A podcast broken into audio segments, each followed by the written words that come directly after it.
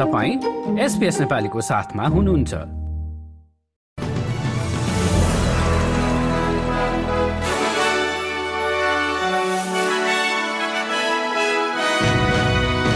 नमस्कार। आज मङ्गलबार एकतिस अक्टोबर दुई हजार तेइस। अब पालो भएको छ एसबीएस नेपालीमा। आजका प्रमुख अस्ट्रेलियन समाचारहरू सुन्ने प्रसङ्ग सुरु गरौं ब्रिस्बेनबाट। प्रधानमन्त्री एन्थनी एल्बनिजीले ब्रिस्बेनको पश्चिममा भएको डडेलोमा धेरै घरहरू नष्ट भएकाले प्रभावितहरूलाई सहयोग उपलब्ध गराइने बताएका छन्। वेस्टर्न डाउन्सको आगलगीमा पछिल्लो दस दिनमा बीस हजार हेक्टर जमिन जलिसकेको छ भने एक मृत्युसहित सय मानिसहरू आफ्नो घर छोड्न बाध्य भएका छन्। त्यसै गरी प्रधानमन्त्री एन्थनी एल्बनिजीले आफ्नो आगामी चीन भ्रमणको क्रममा चिनिया राष्ट्रपतिसँग विवादका विषयहरूमा छलफल गर्ने बताएका छन्। पछिल्लो सात वर्षमा चीन भ्रमण गर्ने एल्बनिजी पहिलो अस्ट्रेलियन प्रधानमन्त्री हुनेछन्।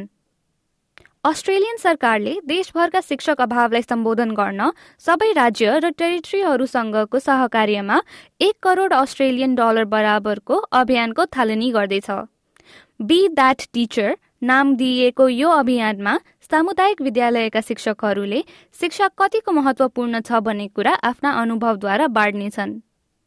United Nations International Children's Emergency Fund युनिसेफले गाजामा तत्काल युद्धविरामको लागि आह्वान गर्दै सबै पक्षहरूलाई बिना शर्त बालबालिकाको संरक्षण गर्न र उनीहरूलाई अन्तर्राष्ट्रिय मानवीय र मानव अधिकार कानून अन्तर्गत विशेष सुरक्षा प्रदान गर्न भनेको छ।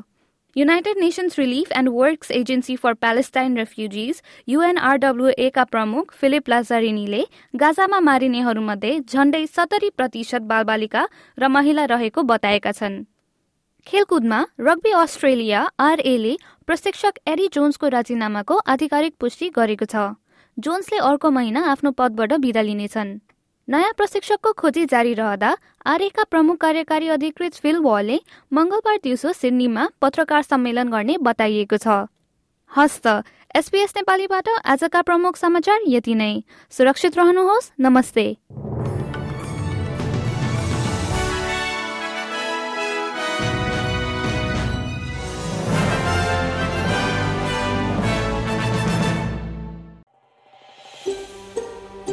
यो जस्तै अन्य प्रस्तुति सुन्न चाहनुहुन्छ? एप्पल पोडकास्ट गुगल पोडकास्ट स्पोटिफाईमा हामीलाई खोज्नुहोस् वा तपाईँले पोडकास्ट सुन्ने अन्य सेवामा।